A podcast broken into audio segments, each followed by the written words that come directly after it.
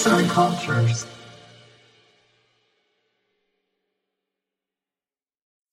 İnsanlığın Harmonisi'nin 22. bölümünden herkese sevgiler. Bu hafta konumuz Türk musikisinin nar çiçeği Cinüçen Tanrı korur. İnsanoğlu, tarih boyunca ses dediğimiz kavramın toplumsal olarak çözümleme ve değerlendirme ihtiyacı duymuştur. Sürekli olarak etkileşim halinde olan ve seslerle gerçekleştirilen bu anlatım sanatına müzik denir. Müzik, dil ile beraber bir milletin en doğal kültürel ürünüdür.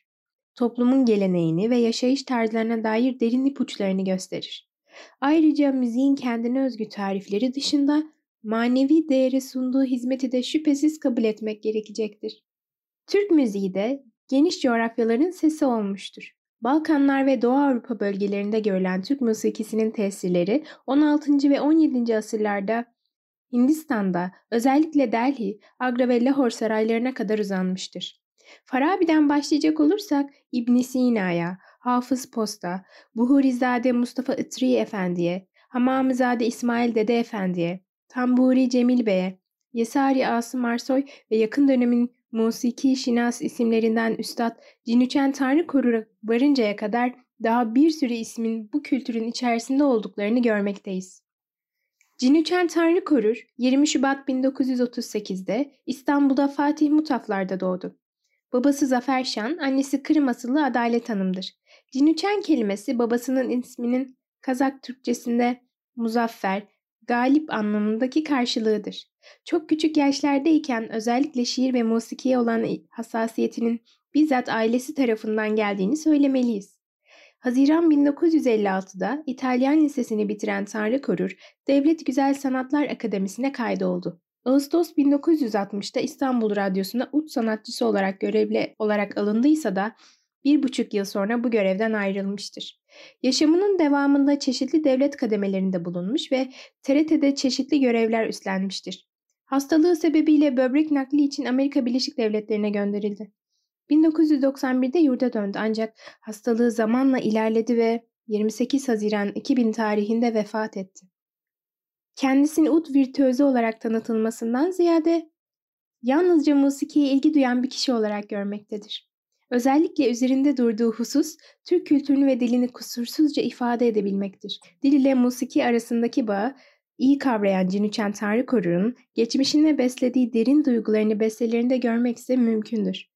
Meşhur şarkısı olan Günaydınım Nar Çiçeğimin ise kendine has bir hikayesi vardır. Nar Çiçeği Efsanesi 6 Mayıs 2002 Bir Hint efsanesine konu olmuştur nar çiçeği. Efsaneye göre Lahor'un nar çiçeği Anarkali halktan bir gence aşık olan Hint prensesinin adı. Bu aşk Anarkali'nin imparator babası tarafından yasaklanır. Gel gör ki aşk bu. Ferman dinlemez.